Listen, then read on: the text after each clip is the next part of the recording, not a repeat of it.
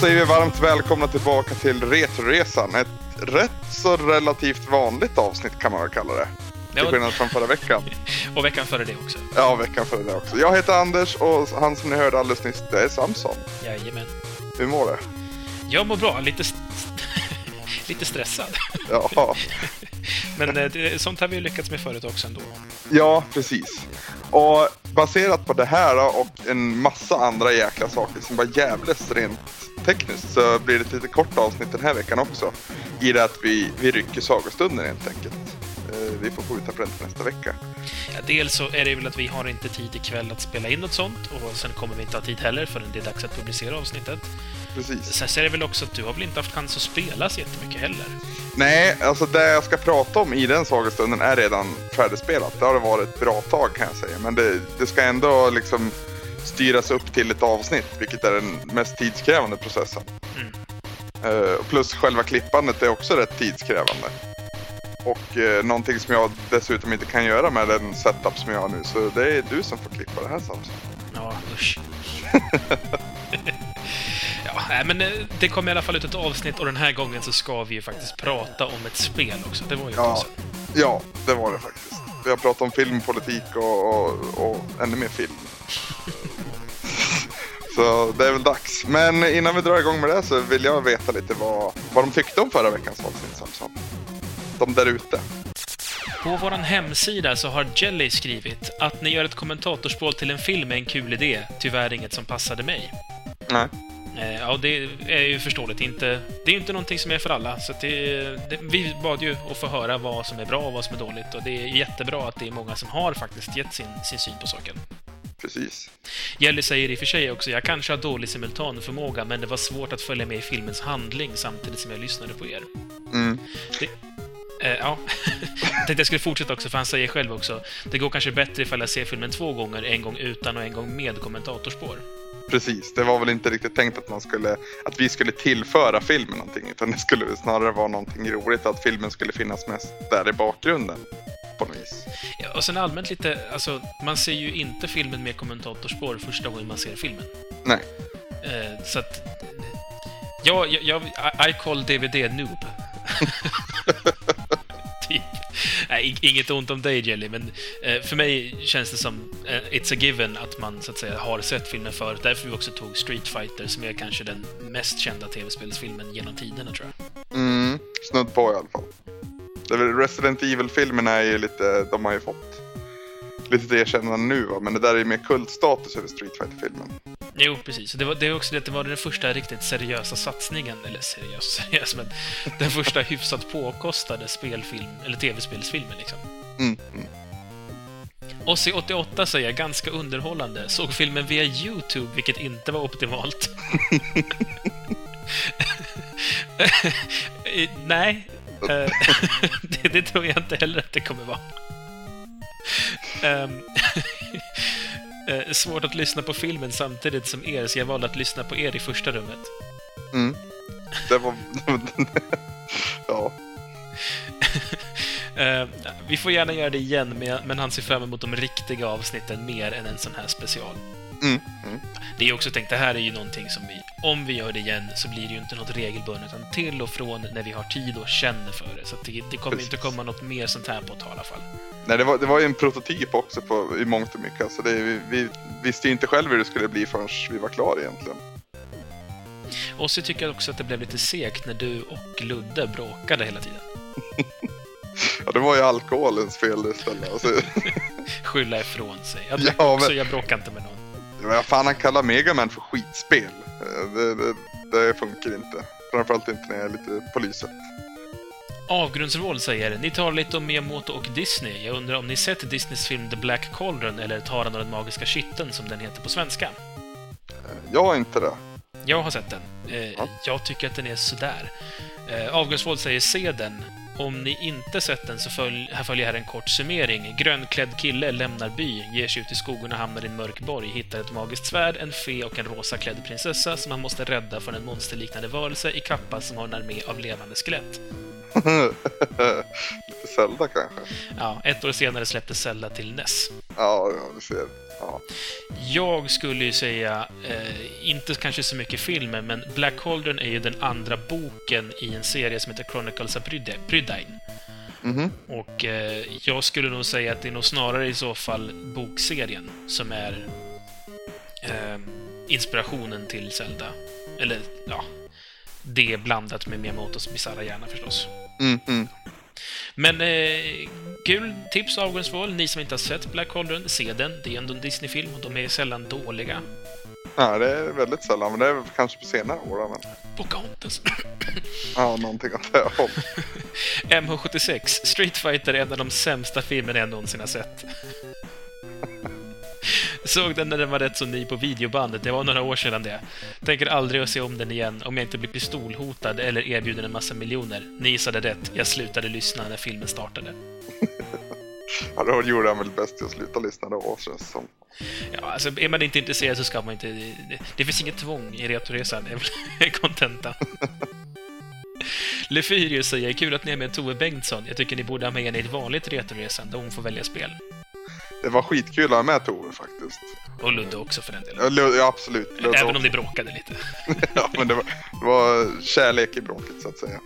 Eh, sen är det ju sådär med våra gäster, eller att, att vi inte har några gäster. Vi, vi hittar ju bara på regler vi, för oss själva. Ja, sen hittar vi på anledningar att bryta dem också. ja, precis. Ja, vi är duktiga på att kringgå våra egna regler.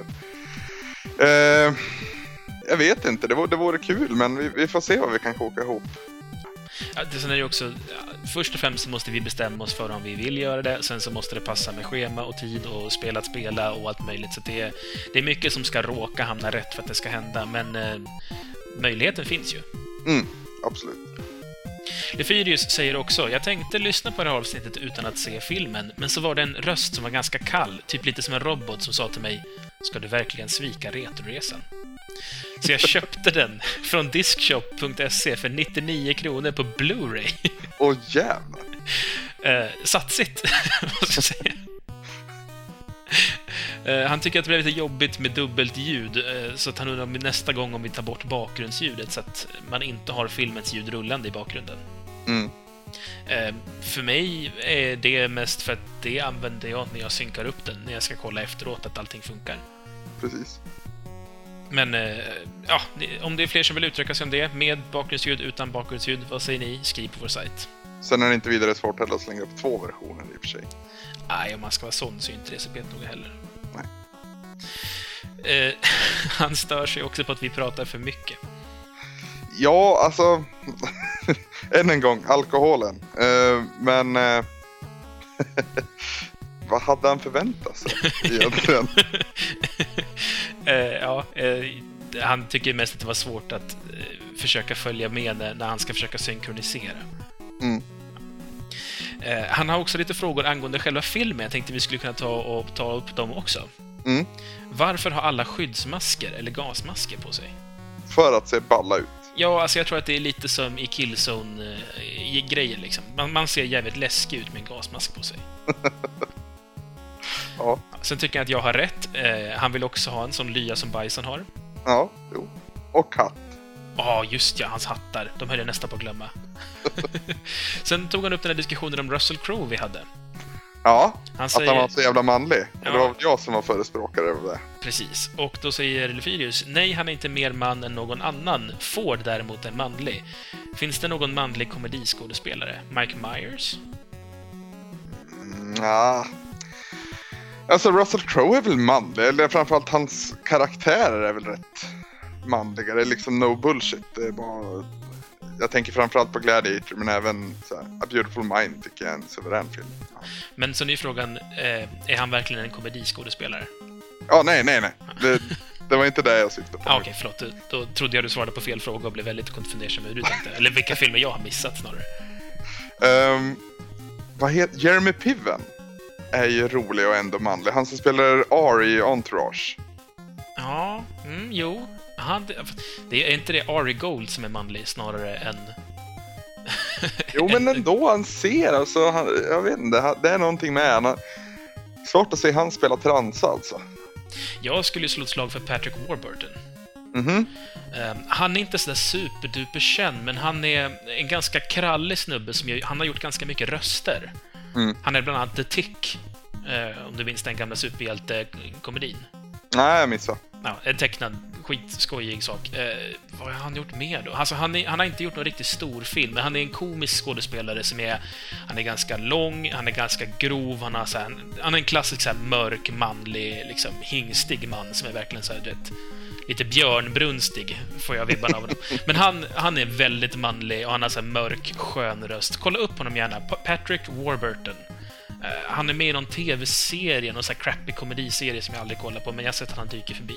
Han är även eh, rösten till eh, den starka, dumma killen i Kejsarens nya stil.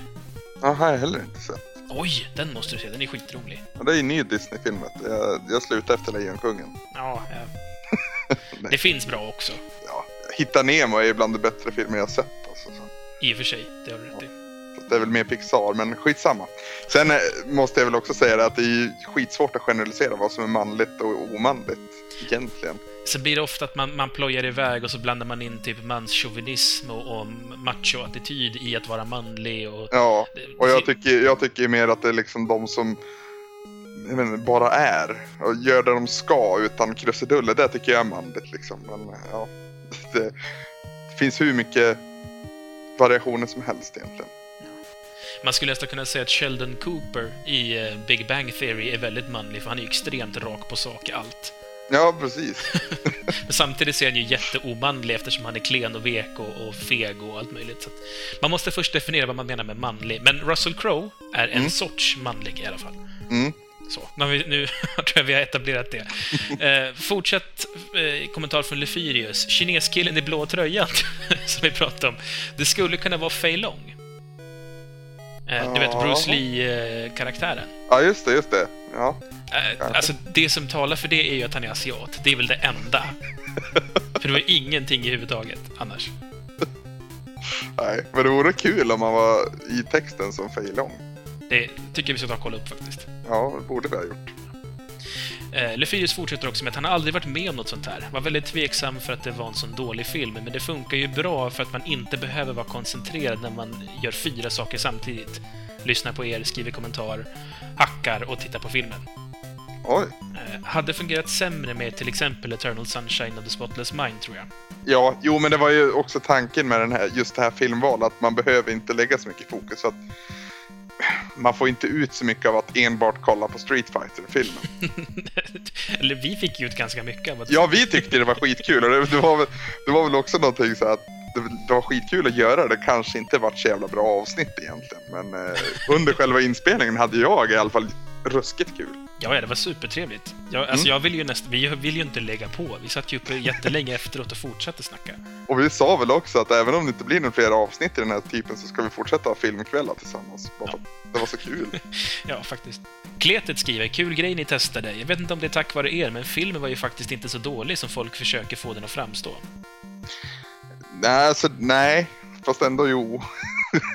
den, den är ju långt ifrån bra, men den är ju inte helt värdelös. Den har sin charm kan man väl säga.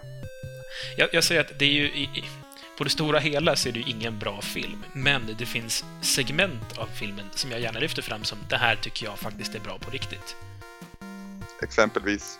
Ehm, Quick Change the Channel tycker jag är... Alltså det är ju menat att vara så roligt som det är. Det är inte att här, någon gör en ful min och vi skrattar åt utan det är faktiskt så här, humor som är med flit. Mm. Ehm, jag tycker att Giles dubbelspark när han slåss mot Bison var rätt läcker. För sin tid i alla fall. Ja, men alltså även om det inte är så här, du vet, superelegant koreografi, så att det är Guile som gör sitt signature move i sin, den, den viktiga fighten kändes som att ja, det här är rätt liksom. Mm. Kim Simonsson Mm. skriver “Rolig idé som tyvärr inte riktigt höll”. Nej, det är väl det är fler som har uttryckt liknande. Hela avsnittet kändes som en kamp mellan Ludde och Samson. Ludde går off topic, Samson försöker styra tillbaka. ja, det tänkte jag faktiskt på, att det var den som desperat försökte hålla i tyglarna fast det hela tiden skena iväg åt alla möjliga håll. Alltså, jag har absolut inga problem med att skena iväg, men vi hade ju precis innan gjort ett avsnitt som bara var att vi skenade iväg. Så det kändes som att det är nog bra om vi har något så nära att vi faktiskt filmen fyller ett syfte mer än en ursäkt för oss att sitta och snacka liksom. Mm. Eh, så att, ja, eh, jag tyckte det var kul med Lilla Kampen. Och, ja, jag- återigen, jag tyckte det var skitkul att göra. Så att jag tror att det kommer komma mer hur vi än gör. Sen så tycker jag att till skillnad från alla andra kommentarer, nej, nu alltså Kim Simonsson, till skillnad från övriga kommentarer så uppskattar jag bråket om Mega Man. Jag älskar när Anders är sur. Ja men vad kan man bli något annat? Herregud, det är, det är min idol som man bara dissar rakt av. Men sen kom det ju fram också att nej, han hade inte spelat så mycket Mega Man, men ändå det gör han ju bara för att reta mig. Han träffar ju verkligen rätt också, Ludde. Men det är därför man inte ska ta diskussioner med honom, för han är ju bara, han, han trollar ju dig bara. Ja, han trollar mig prata om big time alltså. Men eh, fan, alltså, än en gång. Ja, alkoholen.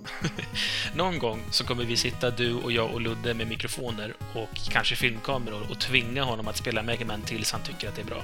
Ja, lite såhär nördskolan, eller ja, någonting med Ludde. Bara Mega Man. Ja, Du måste ha din mössa på det också. ja givet. Hade på mig den idag faktiskt när jag var och handlade. Ja, Kände mig otroligt snygg. ja jag förstår det. Sara Dir säger, nu har jag lyssnat på avsnittet två gånger. En gång för att få min Retoresan fix på fredagen, då jag alltid måste kasta mig över avsnittet så fort det kommer ut. Sen så tog jag och lyssnade på avsnittet, eller runt 30 minuter in, där Samson räknar ner och själva filmtittandet börjar. Andra gången gjorde det bara ännu roligare, man kan eh, men kan rekommendera alla som inte lyssnat, för de inte har filmen, att ändå lyssna, för det är roligt ändå, eh, med alla utsvävningar. Mm. Jag tycker det är strångt att han lyssnar två gånger, en gång med, en gång utan filmen. Ja, verkligen. Eh, han har också en del kommentarer på själva innehållet. Då.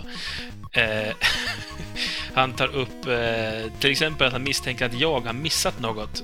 Eh, för jag sa att Ryuken aldrig gör sina signature moves. Eh, då Hadoken och Shuriken, men Saradi tycker att han såg båda. Ja, visst hade han länkat till en massa olika klipp också via Youtube va? Jajamän, eh, där han lägger upp allt han visar, bland annat den här Tatsumaki Senpu Kuyaku. Som är alltså den här som jag kallar Happelapp Chappelapp. Ja, just det. Hurricane Kick.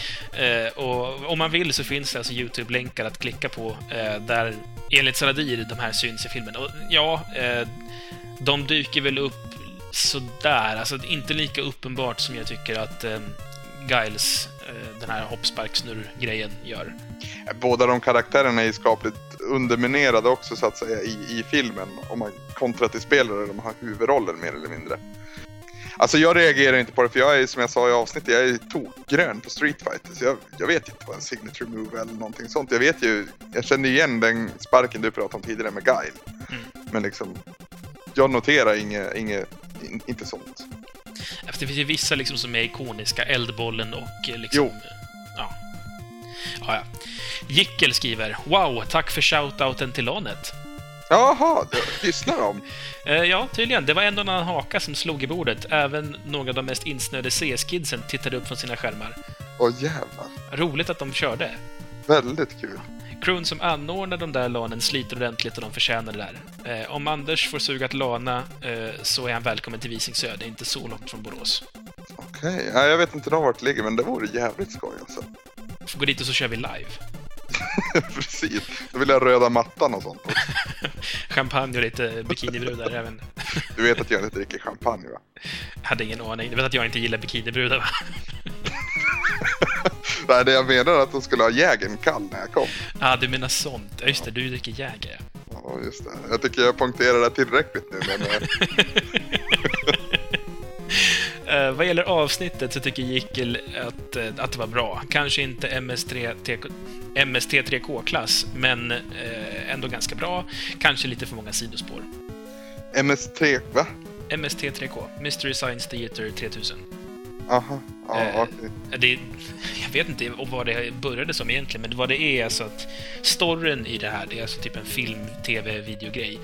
Det är att det är en besättning på en rymdfarkost som eh, ska spendera oändligt mycket tid resan, på resande fot.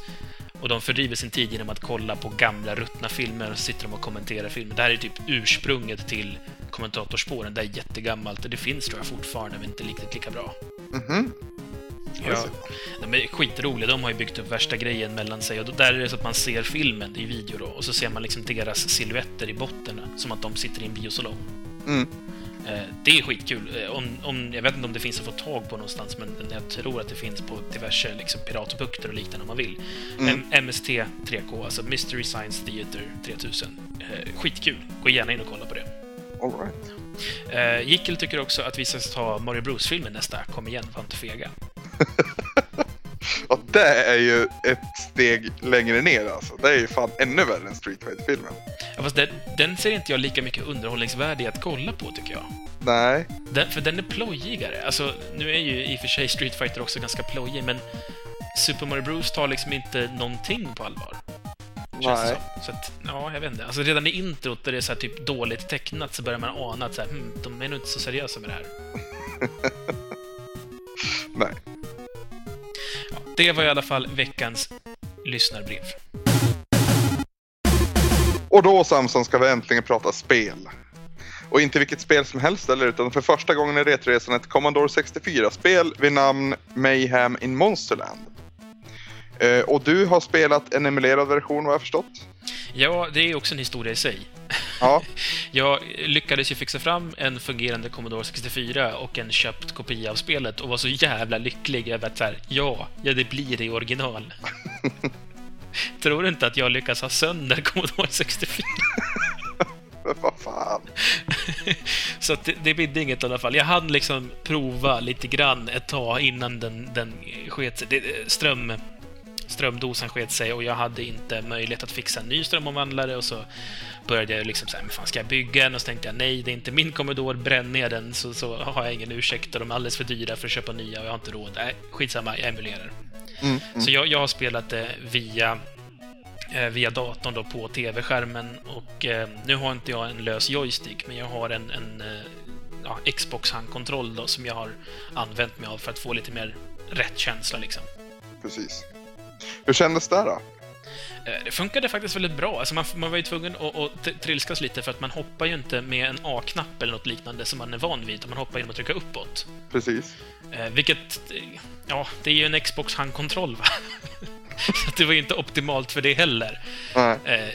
Slutligen så gjorde jag helt enkelt så att jag ja, kiade om den så att A-knappen på min handkontroll var uppåt. Så att det var den jag hoppade med i alla fall. Okej. Och då funkar det bra tyckte du? Ja, det, det, när väl jag hade gjort mina modifieringar så, så tyckte jag att det kändes bra faktiskt. Mm. Jag körde ju på Nintendo Wii till att börja med. Mm. Eh, och eh, det finns mycket att säga om just den emuleringen som inte är den bästa. Men just kontrollen hade jag också enorma problem med. Jag hittade inte heller hur man mappade om handkontrollen, om man nu kunde det. Eh, Jag så vet inte om det går på Wii faktiskt. det är jäkligt synd alltså. Eh, I vilket fall som helst alltså, det som fungerade faktiskt på Nintendo Wii, det var, eller fungerade bättre i alla fall, det var att koppla in en GameCube-kontroller. För att, ja, du har en mycket bättre sticka att hoppa med där, till skillnad från styrkorset på vanliga Wiimoten. Mm. Eh, Så där körde jag med majoriteten av spelen. Sen testade jag även emulerad version på min stackars lilla laptop som är väldigt, väldigt gammal. Men fick det att fungera och då har jag ju en, en annan typ av kontroller där. Och då kunde jag också, som du, mappa om så att jag kunde hoppa på, på en, på en face button så att säga. Mm. Jag tycker att det var en ganska viktig grej. Alltså, nu kan det ju vara att du och jag är konsolskadade och det här är egentligen en hemdator, men uppåt för hopp kändes bara konstigt. Ja, det har aldrig känts naturligt för min del. Alltså, Kanske i Blackhawk. Ja, och, och i fightingspel och sånt, men ändå känns det lite som att så här, för att det ska funka så ska man ju styra med piltangenter i så fall. Så att man liksom har det med högerhanden. Mm. Och då, då kan jag tänka mig att det blir liksom mer naturligt, för då är det ändå liksom separat knapp för varje håll. Nu är det liksom en tumme som styr alltihopa, då blir det konstigt. För du kan, det, är, det är svårt att hoppa och trycka framåt samtidigt på ett smidigt och skönt sätt på något vis. Mm. Vet du mycket om det här spelet Mayhem in Monsterland för övrigt? För jag har jättedålig fakta på det här för en gångs skull. Alltså det jag vet om det är att det är ett väldigt litet team som har gjort det. Eh, huvudmännen bakom är två bröder som jag tyvärr inte har namnet på just just nu. Okej. Men eh, det är väldigt, väldigt indie eh, utveckla, eller allting var ju indie på den här tiden när det här släpptes förstås. Har du årtalet på det? 93 kanske? Däromkring i alla fall minns jag. Minns inte exakt datumet, det här borde vi kanske ha kollat upp, men återigen tidspress, sånt som händer. Som sagt, det är två killar som utgör huvuddelen av teamet. Sen är det ju fler som har hjälpt till och det märker man inte annat på creditsen när man har klarat spelet.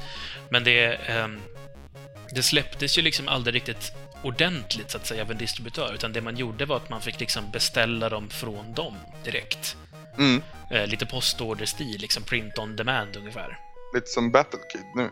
Ja, li- lite som väldigt mycket var på just den tiden, på hemdatorerna i alla fall. Alltså 93 hade ju vi eh, på Nintendo och, och Sega-sidan, alltså konsolmarknaden som stort, hade ju etablerat sina distribueringsformer för länge sedan. Men Mm. när det gällde hemdatorerna så var det inte lika rigidt. Då var det ju liksom mycket, du hade hela shareware-scenen där man liksom på diverse håll fick tag på första kapitlet gratis som shareware och sen så kunde man liksom ringa ett USA-telefonnummer om man ville beställa hela. Mm. Eh, Jag minns att jag själv var med i någon postordergrej där jag fick så här veckan, eller månadens spel hemskickat. Eh, Och sen så kunde jag liksom opta upp för att köpa hela spelet. Jag fick shareware-versionen på diskett postad till mig liksom. Coolt. Eh, Så det var ju den sortens distribueringsform. Och det är, ju inte någonting som finns riktigt idag, förutom just kanske indie-scenen. Just eh, shareware, eller ja, vad man ska nu säga, det är, det är mer alltså Xbox Live och så har ju tagit den platsen lite grann. I alla fall för hemkonsolerna. Ja, Eh, och internet generellt om man kollar på PC också. Så det är så jäkla enkelt att få tag på nu för tiden. Skärmen har ju förtagits lite dock. Ja, alltså sen är det också lite skillnad mellan trial-versioner. jag, jag skiljer ändå på en trial-version och en shareware-version. Mm, Eller varför inte en demo ett fullspel liksom. Precis. För att eh, när vi tittar på Xbox Live Arcade, så en trial-version, det är ju liksom en liten del av spelet. Du ska få en liten smak av det. Och det kan vara allt från att det finns en tidsgräns på fem minuter, eller det är bara de första banan, eller vad som helst. Eh, men när du spelar en, ett shareware-spel, då fick du liksom hela första episoden. Alltså det här var ju verkligen episodindelade spel. Tänk på Doom, till exempel. Mm, mm. Där du hade verkligen, eh, det var det fyra eller fem liksom eh, episoder och första episoden var gratis och det var en ganska bra bit. Visst var det Det, det var väl liksom åtminstone en, en fem, sex banor och sen en stor boss i slutet. Jag menar, det finns ju fullängdsspel som är ungefär på den nivån idag. Mm. Eh, Minns Duke Nukem 3D till exempel? Där hade du ju jättemycket bara på första Shareware-episoden och sen köpte du till liksom månen och allt där efteråt. Eh, I alla fall, eh, det. finns en sån här fantastisk sida som heter Wikipedia. Mm. Och slår man upp det så ser man att det är Apex Computer Productions som har gjort spelet och det är alltså Steve och John Rowlands. Så heter de, ja. Och det var 93 det släpptes. Eh, 2000 17 oktober 2008 släpptes det på Virtual Console. Så där har vi den lilla faktarutan. Ska vi börja prata om spelet då kanske och börja i presentationsändan? Eller först kan man väl säga att det är ett sidoskrollande plattformsspel i, i 2D. Och Mm. i huvudrollen ser vi Mayhem som är en liten Triceratops-dinosaurie. Ja, en liten gul en. Ja, och vad jag har förstått av den story som finns så är det hans kompis eh, som har ställt till det i, i Monsterland. Och använt en magisk formel som gjorde att all lycka försvann eller någonting sånt. Det är väl i alla fall en väldigt sorglig och tråkig värld nu och det här ska Mayhem ändra på då. Eh, Den här kompisen då, Theosaurus som han heter, som någonting som jag tyckte var jätte, jätteroligt. Ehm, det är väl alltså ehm, ja, magisk stoft, kan man väl säga. Magic Dust Ja. kallas det väl på i Precis. spelet. Det finns en uppföljare också för mobiltelefoner som heter Mayhems Magic Dust, kom 2004. Jaha. Eh, Men det här magiska stoftet är ju liksom det som allting handlar om i grund och botten. För du spelar ju varje bana två gånger, så att säga. Mm, Först en gång när den är ledsen och då samlar du på dig en massa stoff. Eh, och när du har fått tillräckligt mycket då så ska du ta dig till Theosaurus som finns gömd någonstans på banan. mm. Ehm, och sen så får han stoftet och då gör han världen glad och då ska du istället samla på dig ett antal stjärnor. Och de här stjärnorna de ska han samla då för att den magin inte ska falla i fel händer igen. Vad jag förstått det som. Så kanske det var, ja. Mm, tror jag. Eh, ja, presentationsmässigt och Samson, vad, vad, vad tycker du? Jag var faktiskt ganska imponerad av spelet, måste jag säga. Mm, mm. Alltså det är ju ehm, Commodore 64 och, och det är ju inte en 64-bits maskin direkt. Eh, namnet till trots, utan det är ju, alltså, det är väl i princip 8-bit det, men det ser ut som Super Nintendo. Nästan så. Det tar ju alltså färgglatt till en helt ny nivå, tänker Mm. jag på. Framförallt när man har, när man har gjort första världen då framförallt glad. Både musikmässigt och eh, framförallt grafiskt. Då. Det är liksom bara sprudlar av... Det det är som att de hade lite för mycket färg när de gjorde spelet snarare. Men sen också, de har ju, eh, de har ju utnyttjat en massa sköna färgknep. För att i och med att det ändå är 8-bit så finns det begränsningar i hur mycket färg som går att ha med. Mm. Eh, Framförallt på skärmen samtidigt. Och i det här spelet utnyttjar man ganska friskt ett, ett, eh, ett litet knep som inte var så vanligt på Nintendo 8-bit. För Nintendo 8-bit då har du mycket solida färger. Mm. Du jobbar liksom med Mega Man till exempel, han har olika nyanser av blått. Precis. Det man gjorde här var att man, man fuskade lite. Som, ni som brukade göra grafik i Windows 3.1, så här 8-bits och eh, 16-bits-versionen, eller de tidiga i alla fall, där du bara hade liksom ett begränsad mängd färger, vet då om att det man gör är att man gör liksom mm, lite som ett schackmönster när man pixlar i det här. Som du ska ha liksom blått och så ska du ha gult och så ska du ha grönt och du har inte utrymme kvar för att göra grönt. Då, det som ska vara grönt gör du egentligen, om du zoomar in på det och tittar på det, schackrutigt. Så att det är liksom eh, blå, gul, blå, gul, blå, gul, blå, gul, blå, gul och så vidare. Okej, du blandar schack- schackrutemässigt alltså? För att Ja, få precis. den färgen man vill ha. Exakt, så egentligen är det inte grönt, men våra ögon blandar färgerna ganska så bra, så det, det funkar ändå. Alltså det är väl mycket sådana här tricks man använt för att göra det här spelet om jag förstått allting rätt. Och det var väl inte heller helt ovanligt för just den här plattformen. Men eh, det är det som sätter käppar i hjulet för den här emuleringen sen då. För även om den här eh, emuleringen som jag gjorde på min PC då, eller min, min laptop, fungerade rätt bra så gjorde inte Nintendo Wii-versionen det kan jag säga. Det var riktigt fruktansvärt. Först och främst är färgerna helt annorlunda. Alltså, jag skulle inte säga att det är mycket till det sämre, men det ser allmänt tråkigare ut. Men största problemet är att medan du springer med mig hem så försvinner stora delen av musiken. Just vid scrollningen där. Mm. Det är någonting som, som fuckar ur där helt enkelt. Jo, jag, jag har sett eh, jämförelsevideos på YouTube när de visar på just det att framförallt ljud, alltså det man gör är alltså att man, man i princip hackar då olika delar av Commodore 64, alltså processorn då, eller grafikchippet VIC-2. Eh, Mm. Den hackar man ju nog fruktansvärt för att få eh, de effekter man vill få. Samma sak med SID-chippet som, stö- som sköter ljudet. Och när de här två hacken går liksom simultant så går det inte alls att emulera. Så I vanliga fall så kan man tar man i lite när man skapar sin emulator så kan man bygga en emulator som även simulerar felen. Mm. Eh, Den som jag har spelat, den heter Vice.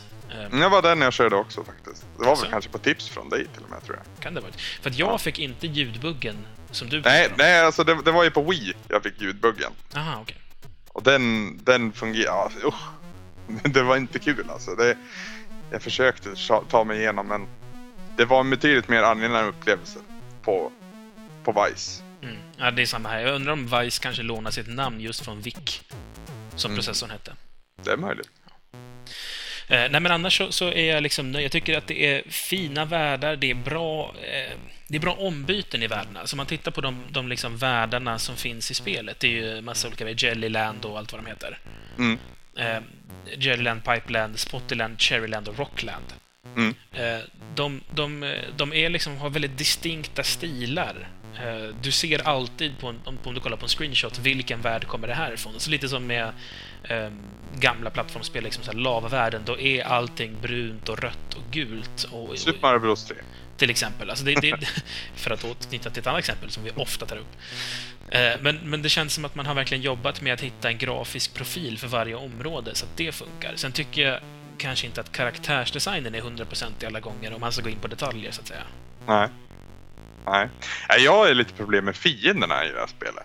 Jag tycker de är lite tråkiga helt enkelt. Och sen banorna generellt, framförallt inledningsvis, det varit lite bättre mot slutet upplevde jag. Men de, är, de känns lite tomma. Alltså det börjar ju i mitten av banan kan man väl säga. Du kan springa åt både vänster och höger och du ska ju samla det här Magic Dust då, i första läget. Mm. Eh, och det, det är ju väldigt öppet tänk och väldigt olikt 2D-plattformsspel från den här tiden. Eh, och just det också att det inte har start och mål som, som, som vi är van vid så att säga utan, utan du ska istället samla det här Magic Dust och, och du har en mätare som du ska fylla. Och när du gör det då ska du hitta det här gömstället där, vad heter han? Theo, Theosaurus. Theosaurus eh, har gömt sig. Och det är ett väldigt annorlunda upplägg, men just banorna kan jag uppleva blir väldigt tomma ibland. Eh, Mayhem har ju en sprintfunktion som man får, framförallt när, när världen blir glad då. Men, eh, och den kan jag använda under jättelånga partier utan att ens se röken av en fiende ibland, kände jag.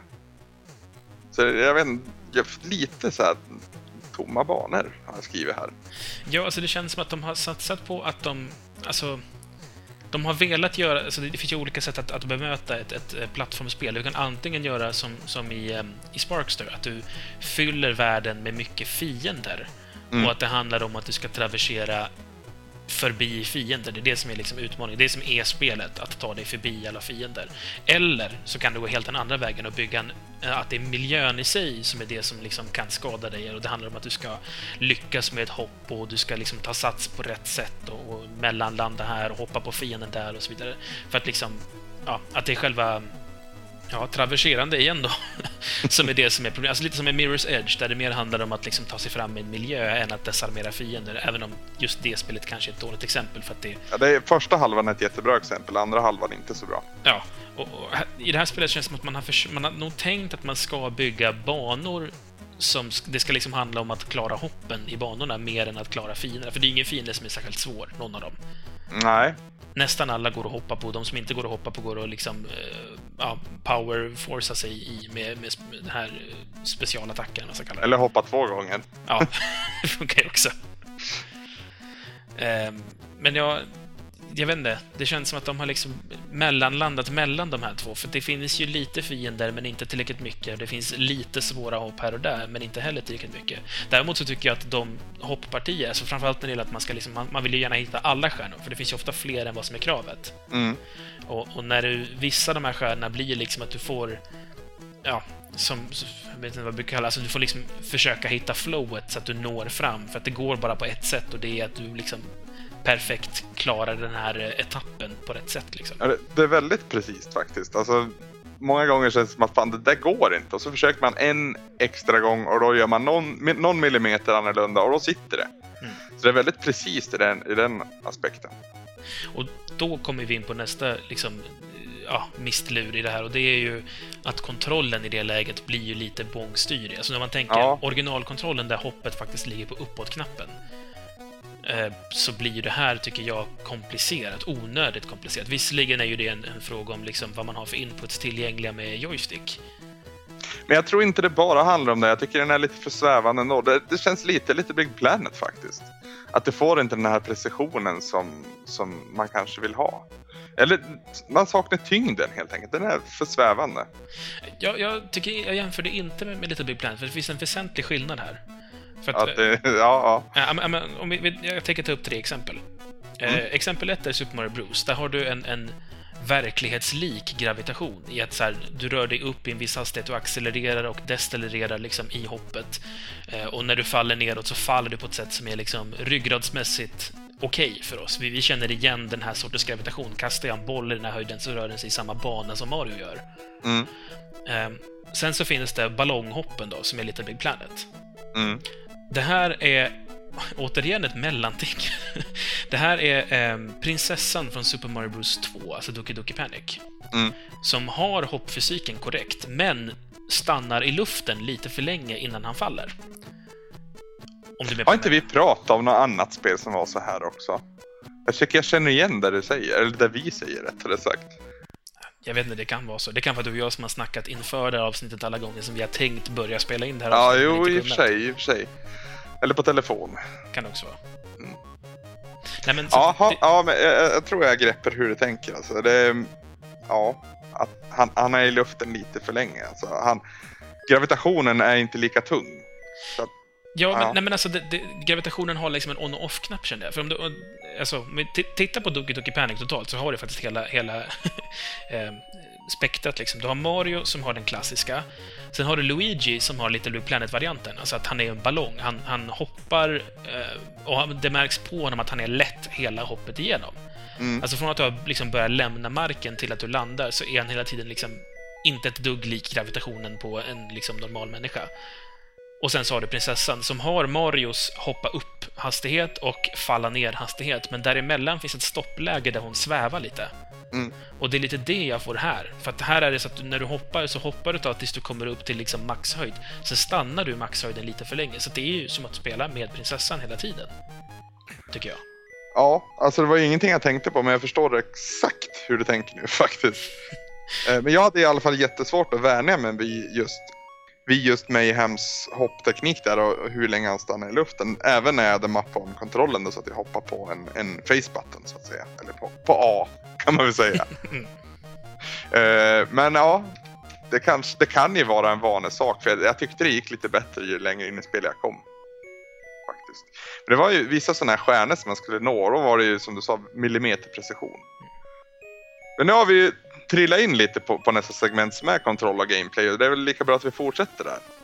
Ehm, och vi nämnde ju den här uh, rush-funktionen som man kan få.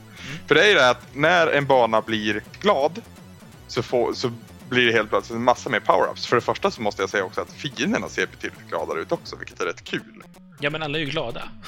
Ja, precis, till och med de som igen får, får ge, på, ge, ge smörj liksom. Så de trivs i deras nya glada värld. Och betydligt fler power-ups också. Den, den mest väsentliga där är den här rush-tekniken som har en form, eller i, har en ikon i form av en kanin. Är det väl?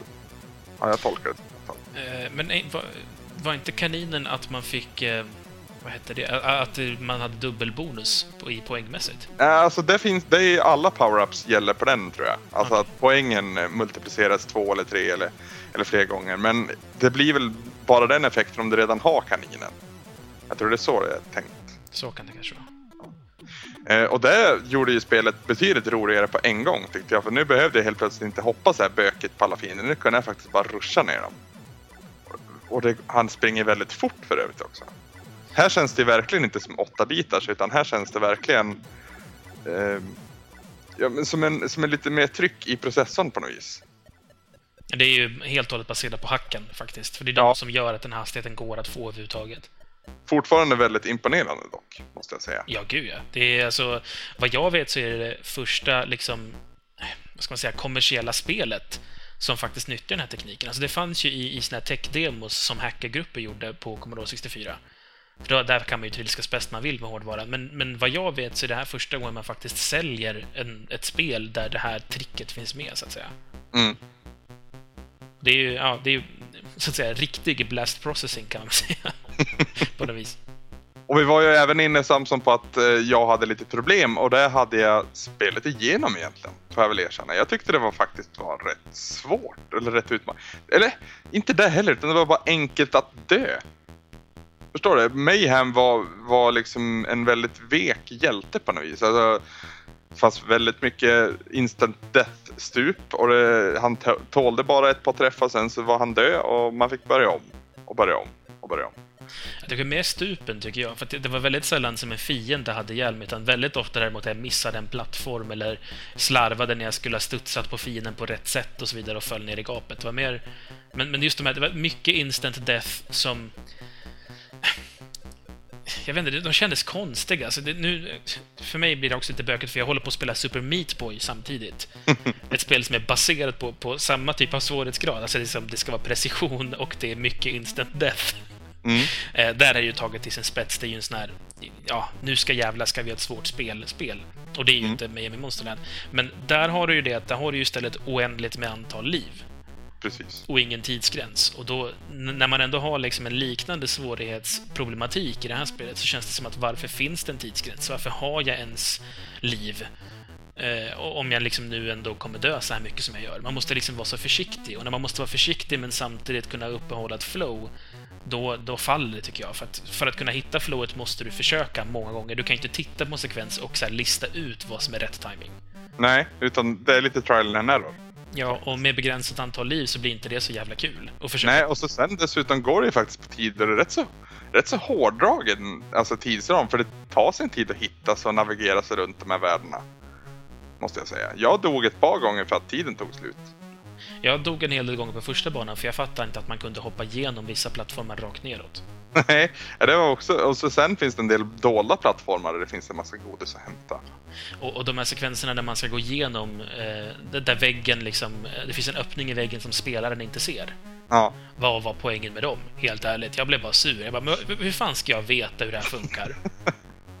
det finns ingen giveaway, men det är som de mest eh, luriga grejerna i Super Mario Bros 3. De, de finns inte. Alltså att man kan flyga upp där i första slottet till exempel. Jo, men det är för att du ska hitta en cool power-up som inte Ja. all, det är inte tänkt att alla ska hitta. Nu var det så här, för att klara banjäveln Ja. så måste du gå igenom den här väggen. Och det finns, ingen, Precis. det finns ingen hint om att det går. Alltså, det finns ingen så här typ att det är som ett, kanske ett galler någonstans där man kan se eh, liksom Mayhem springa förbi så man vet att man överhuvudtaget rör på sig.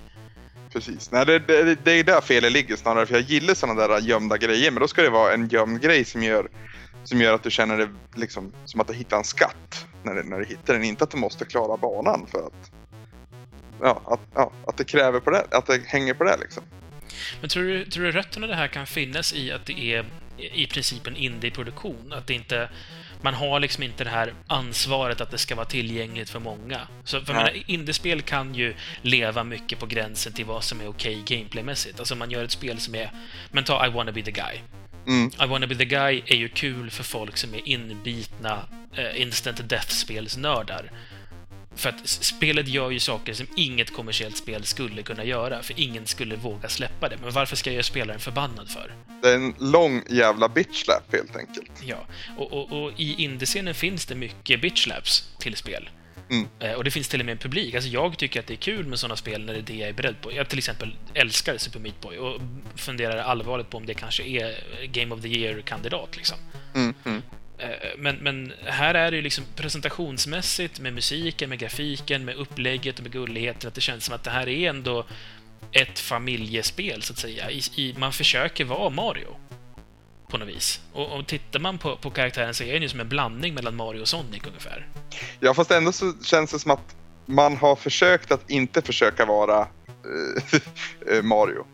Ja, alltså man, man, okej, Mario är fel att säga, för att den, den kommer ju med tillräckligt mycket eget till bordet, tycker jag. Jag tycker inte att det känns som att jag spelar en blek kopia av någonting annat. Nej, Men man satsar liksom på samma publik som gillade Mario. Det är fortfarande det här, det är gulligt, det är plattform, det ska samla grejer, det är inte våldsamt, det, det, du känner direkt igen dig i vad det är du håller på med. Det finns liksom ingen bitchlap-faktor i det på det sättet. Men sen helt Nej alltså, finns... jag, jag upplever det som att de gjorde ett plattformsspel baserat på vad de kunde om plattformsspel. Och det var ju liksom Mario som var och är kungen av plattformsspelen då, får man lov att säga. Och när det började bli väldigt, väldigt likt Mario så började man slänga in andra element också. Och då var det så här att man verkligen inte ville vara som Mario. Att man... Ja, jag vet inte vad jag ska ta konkret egentligen, men eh, det känns som att man har motarbetat sig själv lite grann. Någonstans. Jag tror att jag behöver ändå ha någon typ av exempel för att, för, för att jag hänger med på vad du menar. För att de saker som jag tycker att det skiljer sig från Mario, om man bortser från det här med, med liksom bitchlap-grejerna, det är ju saker som jag uppskattar. Alltså att den scrollar åt båda hållen, att det inte finns ett liksom, ta dig till slutet, utan det är mer utforska banan, hitta alla prylar. Alltså, Mm, men det, det är just det jag tänker på i första hand, att man ska utforska banan och hitta alla prylar ist- istället för att klara banan och ta det förbi hinder så ska du liksom hitta saker och, och allting finns redan där. Va? Det finns inget start och inget mål utan du, du är där och ska samla allt. Och jag tycker inte att det funkar lika bra som du verkar tycka att det gör. Alltså, jag, jag- jag jag- gillar det. Jag tycker att det är ett bra sätt att försöka komma med något eget till plattformsspelsbordet. Liksom. Jag trodde att jag skulle gilla det, men jag gjorde faktiskt inte det. Jag önskade många gånger att vad fan, kan det inte bara vara en flagga här som jag kan hoppa och få lite poäng och så kan jag gå in i en borg och så skjuter de lite fyrverkerier liksom. så det, ja, jag vet inte. Det, det är i och för sig också en grej jag undrar att i, i nästan alla plattformsspel så finns det ett start och ett slut. Mm. I det här spelet finns ju inte det. Och då måste man ju fråga sig, hur tog sig Mayhem på dit? Ja, han sprang och sen vart det ljust. Ja, men alltså, hur, hur, men hur kom han till den här platsen? För den är ju helt isolerad från resten av världen. Ja, det är ju verkligen en, en, en vägg på vänster en vägg på höger. Ja. Jag menar, ja, ska jag säga jag som hyllar Super Meat Boy som har exakt samma problematik. Men, men när, när man så säger, man vill ju gärna ha fyrverkerierna och borgen och flaggan i, i slutet. Och när de inte finns, när man har förväntat sig dem, så frågan är om det kanske är våra förväntningar som är problemet där. Det är mycket, mycket möjligt. Faktiskt. Det här var ju också ett spel som fick en hel del kritik just för att det var så... Alltså det fick ju både kritik, positiv som negativ, för att det var så himla mycket av ett konsolspel, men det släpptes ju till en hemdator. Mm. Det är, det är väldigt intressant också att det är just det här spelet som vi väljer som ett första Commodore 64-spel.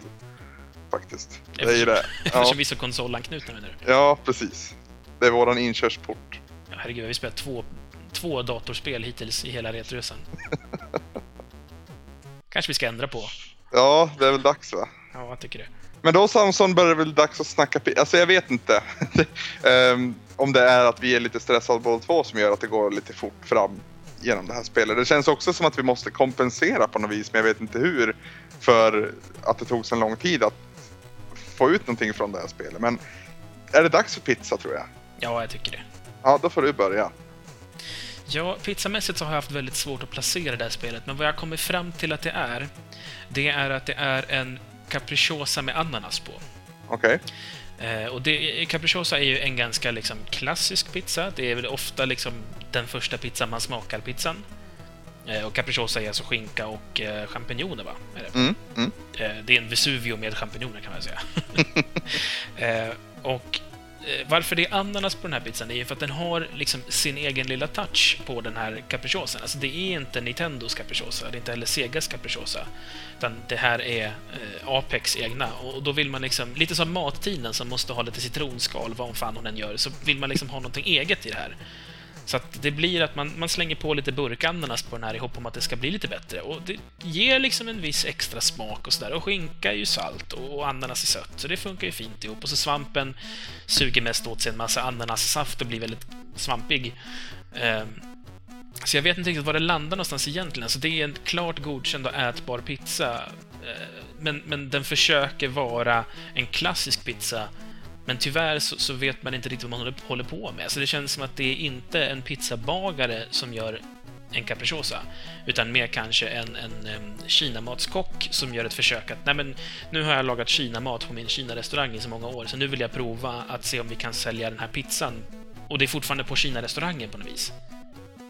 Eh, när man kanske egentligen skulle ha ja, slängt det här och, och satsat på att säga, hej hörni, nu gör vi en ordentlig capricciosa med riktigt bra grejer och släpper den i vår vanliga pizzabutik istället. Mm. Inget ont om Kina-restaurangen som är förträfflig och har jättemycket gott att komma med, men det här är ändå en... Man försöker vara en pizza och då ska man vara på en pizzeria, känner jag. Ja, jag är lite inne på samma spår Samson. Alltså just att man har slängt in någonting som inte kanske funkar fullt ut. Eh, jag tänker snarare en, en, eh, en pizza med någon typ av kött på. Kanske inte nödvändigtvis oxfilé då, men oftast är det inte oxfilé ändå fast man beställer det på en pizzeria. Eh, och så har man därtill slängt in lite räkor. Och det, räkor gör sig jättebra på pizza. Bland mina favoritingredienser när, det- när det kommer till pizza faktiskt. Men det det bärs hela tiden på vad som annars också finns på pizzan. Och kombinerat med de här äh, rätt så stora köttiga köttbitarna, då, så det blir rätt så konstig kontrast där. Och det är liksom, någon ska bort men det är svårt att välja vilken egentligen. Därtill så är den här pizzan inte vidare bra bakad. Alltså den, själva basen är bra. Eh, brödet, tomatsåsen, osten är eh, riktigt bra faktiskt. Det, det finns någonting där. Men sen har man börjat ta lite man har varit lite osäker i, i, sitt, eh, i sitt pizzabakande och det tyder på en pizzabagare som inte riktigt har rutinen inne. Så att säga. Han, han, han vet vad han, vad han vill ha men han vet inte hur han ska liksom klara av det hela vägen fram till att pizzan serveras på en tallrik. Så att det blir en fullt godkänd pizza men eh, långt ifrån top notch. Som vi sa i, i början av det här avsnittet då, så är det ju ingen sagostund och därav har vi ingen musikpaus heller för vi kan inte ta en paus och sen gå hem. Liksom. Utan vi, vi spar på allt till nästa vecka. Så vi ska prata om nästa veckas spel och vi ska faktiskt beröra en film igen. Fast den här gången är det ju i rätt ordning att vi ska spela ett filmlicensspel. Och eh, baserat på en väldigt erkänd eh, tecknad nisse som kan flyga bara han tror på det. Alltså Peter Pan och filmen i fråga heter då Hook. Eh, där, ja, där Peter Pan var vuxen egentligen. Den med Robin Williams och Dustin Hoffman och Julia Roberts. Så. Väldigt bra film för övrigt. Suverän. Måste jag säga faktiskt. Det, jag, jag vill minnas den som rätt dålig men jag kollade på den faktiskt rätt nyligen och den är ju skitbra. Jag tror jag var lite för liten när jag såg den första gången. Jag dyrkade den här filmen när den kom. Jag till och med köpte boken som, som kom liksom med, med filmens omslag, då, för den fick ju en liten rush där, och, och läste den liksom från perm till perm på engelska eh, om och om igen. Säkert en anledning till varför jag eh, liksom lärde mig engelska tidigt, för att jag menar, jag var inte särskilt gammal när, spel, när filmen kom. Nej. Jag tror generellt också att anledningen till att jag ville ogilla den här filmen var för att Robin Williams har huvudrollen då och jag har haft lite problem med han som skådis. Men just i, i Hook kommer han ju till sin fulla rätt. Där han först spelar väldigt eh, strips, eh, strypt eh, byråkratisk herre som helt har helt fantasi, fantasilöst liv men eh, som får blomma ut sen då och blir den han en gång var alltså. Peter Pan. Hitta barnsligheten igen och... Ja. Precis, det, det är en väldigt fin eh, känsla i den filmen. Och vi ska alltså spela Super Nintendo-spelet knutet till filmen. Och du har info om det Samson? Ja, det har jag. Innan jag ska gå in på det så vill jag bara nämna att den som stjäl showen i den här filmen är ju dock helt klart Dustin Hoffman i Ja. rollen som, som eh, Kapten Krok. Alltså, när jag såg den här andra gången och jag fick rysningar när han gjorde entré i filmen. För det är väl, verkligen med pomp och ståt också som han äntrar scenen så att säga. Du, du vet hur han kommer in när han liksom vrider på sina handleder? Så här, Ja. klick, klack, klick, klack. Jag gör ofta det när jag är ensam hemma, för mig själv, när jag går in i rum. så att, det är helt klart en film som har påverkat mig. Det är några så här små maner från filmer som jag fortfarande har med mig idag. En av dem är den här handledsgesten. Och ni som lyssnar nu, ta och se filmen så ni kommer ikapp. Och när ni ser Dustin Hoffmans entré, tänk, eh, de gör ju en stor grej av det i filmen också, men kolla på hans entré vad han gör med sina händer. För det tycker jag är asläckert. Ja. Spel var det. Eh, Ja. då ska vi se. 1992 så släpptes då det här spelet. Det finns flera olika spel, ska jag säga, på en gång. Jag ska förtydliga att det vi ska spela är alltså Super Nintendo-spelet utvecklat av Ukiyo Tei, ett företag som inte jag är så jättebekant med. Japaner är de i alla fall. Mm. Eh, och det finns även då en massa olika portningar av spelet. Eh, det finns en på Mega Drive och det finns på eh, Game Gear, det var en på Master System på väg, det finns en datorvariant som är ett äventyrsspel, alltså helt annat spel, det ska vi inte spela. Eh, Ocean, som gjorde bedrövlig mängd med filmlicensspel, gjorde också ett NES-spel och också ett Gameboy-spel. Det är inte heller det vi ska spela, utan vi koncentrerar oss helt och hållet på Super Nintendo-spelet. Precis. Dock så ska Mega Drive och Mega CD-spelen vara i grund och botten samma spel, fast då...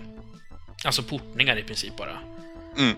Eh, och de, det, det ska vara ett företag som heter Core Design som har gjort det. Jag är inte så jättebekant med Core Design, men, men misstänkligen är det bara en helt vanlig portning. På Sega CD-versionen så har vi musiken från filmen då, i och med att det är CD-skiva, och eh, förstås då cutscenes. Mm. Eh, Så där är det ju lite vassare presentation om man nu skulle vilja ha det. Den är nog svårare att få tag på också. Men alltså, Super Nintendo-versionen. Precis. Eh, Det är alltså ett sidskrollande plattformsäventyrsspel kan man säga. Gud vad jag känner mig hemma igen. På Super Nintendo dessutom. Mm, vad mysigt. Ja, det, det blir liksom så här, man hittar hem på något vis. ja. Eh, sen, sen som du säger, alltså, det är jättebra att vi uppmanar våra lyssnare att kolla på den här filmen också. För jag känner att jag vill prata lika mycket om filmen som, som spelet i fråga. Även om det inte kommer bli det här kommentatorspåret som jag hade förra veckan. Va? Är du säker? Jag ska inte börja typ säga att Mega Man är, är dålig eller såna saker. Nej, nej, nej, nej, gör inte det. Dessutom ska jag, hade jag tänkt vara nykter till nästa inspelning. Det är nog en bra idé. Ja, så kan jag också tillägga att jag tycker ju inte Mega Man är dålig, så du skulle veta att jag ljög. Och då är man ett dåligt troll, så att, nej, det blir inget sånt. precis. Men med det här Samson så är det väl dags att runda av veckans avsnitt. Kort och to the point så att säga. Mer eller mindre i alla fall. Vi har väl svävat ut lite i alla fall. Vi har ju internet. Eh, ni som lyssnar då, det här kan ni vid det här laget, men om ni vill lämna en kommentar så går ni till vår hemsida och gör det. Det är alltså retresan.se. Och där finns det också länkar till våra forumtrådar om ni hellre vill kommentera där. Och de går då till skillpoint.se, gameplay.se och loading.se. Vi har även en Facebook-sida, eh, facebook.com retresan, där man kan göra i princip allt man kan göra på Facebook till oss. Eh, vi gillar björnar och sånt. Ja. Sen har vi också där en diskussionsområde. Eh, om man vill så finns det ju där alltså forumtrådar och liknande som specifikt handlar om oss och som inte är liksom en del av ett annat forum. Vi har till exempel en önska spelmusik, önska framtida spel och ni är fria att själva skapa egna trådar också. Så att utnyttja det om ni vill. Jajamän. Eh, vi har även en Twitter som jag är extremt dålig på att uppdatera nu, just nu känner jag. Men jag ska bli bättre, har jag lovat för ett par veckor sedan. Så det är väl på gång snart. Eh, Twitter.com retresan i alla fall. Och ni gör ju bäst i att följa både, både den och Samsons och min personliga Twitter. För att alltid få er Retresan fix. Eh, sist men inte minst så får ni gärna prenumerera på den här podcasten och det gör man ju antingen via, iTunes eller RSS och de länkarna finns också på vår hemsida. Och nu sa jag sist men inte minst, men man kan ju också mejla till oss. Eh, kramkalas retresan.se. Var det allt tror jag va? Ja, det var det mesta. Det är en liten ny grej också. Jaha, ja. När det här avsnittet är ute, det vill säga på fredag morgon, så kommer också jag i alla fall befinna mig på GameX. Ja, just det. Som går av stapeln då på Kistamässan i Stockholm. Så befinner ni er i Stockholmstrakten mellan torsdag och söndag någonting, ta er till Kistamässan och gå in på GameX. Det kostar inte särskilt mycket, jag tror att det är 120 spänn allt som allt för hela liksom, perioden. Det finns billigare dagspass också om man hellre vill det. Jag kommer vara där. Eh, jag är, finns. Vill ni prata om Retoresan så sätt igång. Ni kan kodordet vid det här laget. eh, och ni känner igen mig om ni inte vet hur jag ser ut på att jag kommer ha min stickade Megaman-mössa på mig om det inte är för varmt förstås. Jag kommer sitta här och, och sörja. För jag hade faktiskt tänkt åka. Sen, ni, ni lyckades övertala mig, men sen har det ju satt, satt käppar i hjulet för mig så att säga. Vilket är surt. Ja, riktigt surt. Men eh, ja, vem vet? Kanske så startar mirakulöst din bil eh, nu ikväll och så är det dags i alla fall. Om inte annat så kommer det fler tåg. Just det. Men då Samson säger vi tack och adjö för den här veckan. Jag heter Anders. Jag heter Samson. Målet är ingenting. Resan är allt.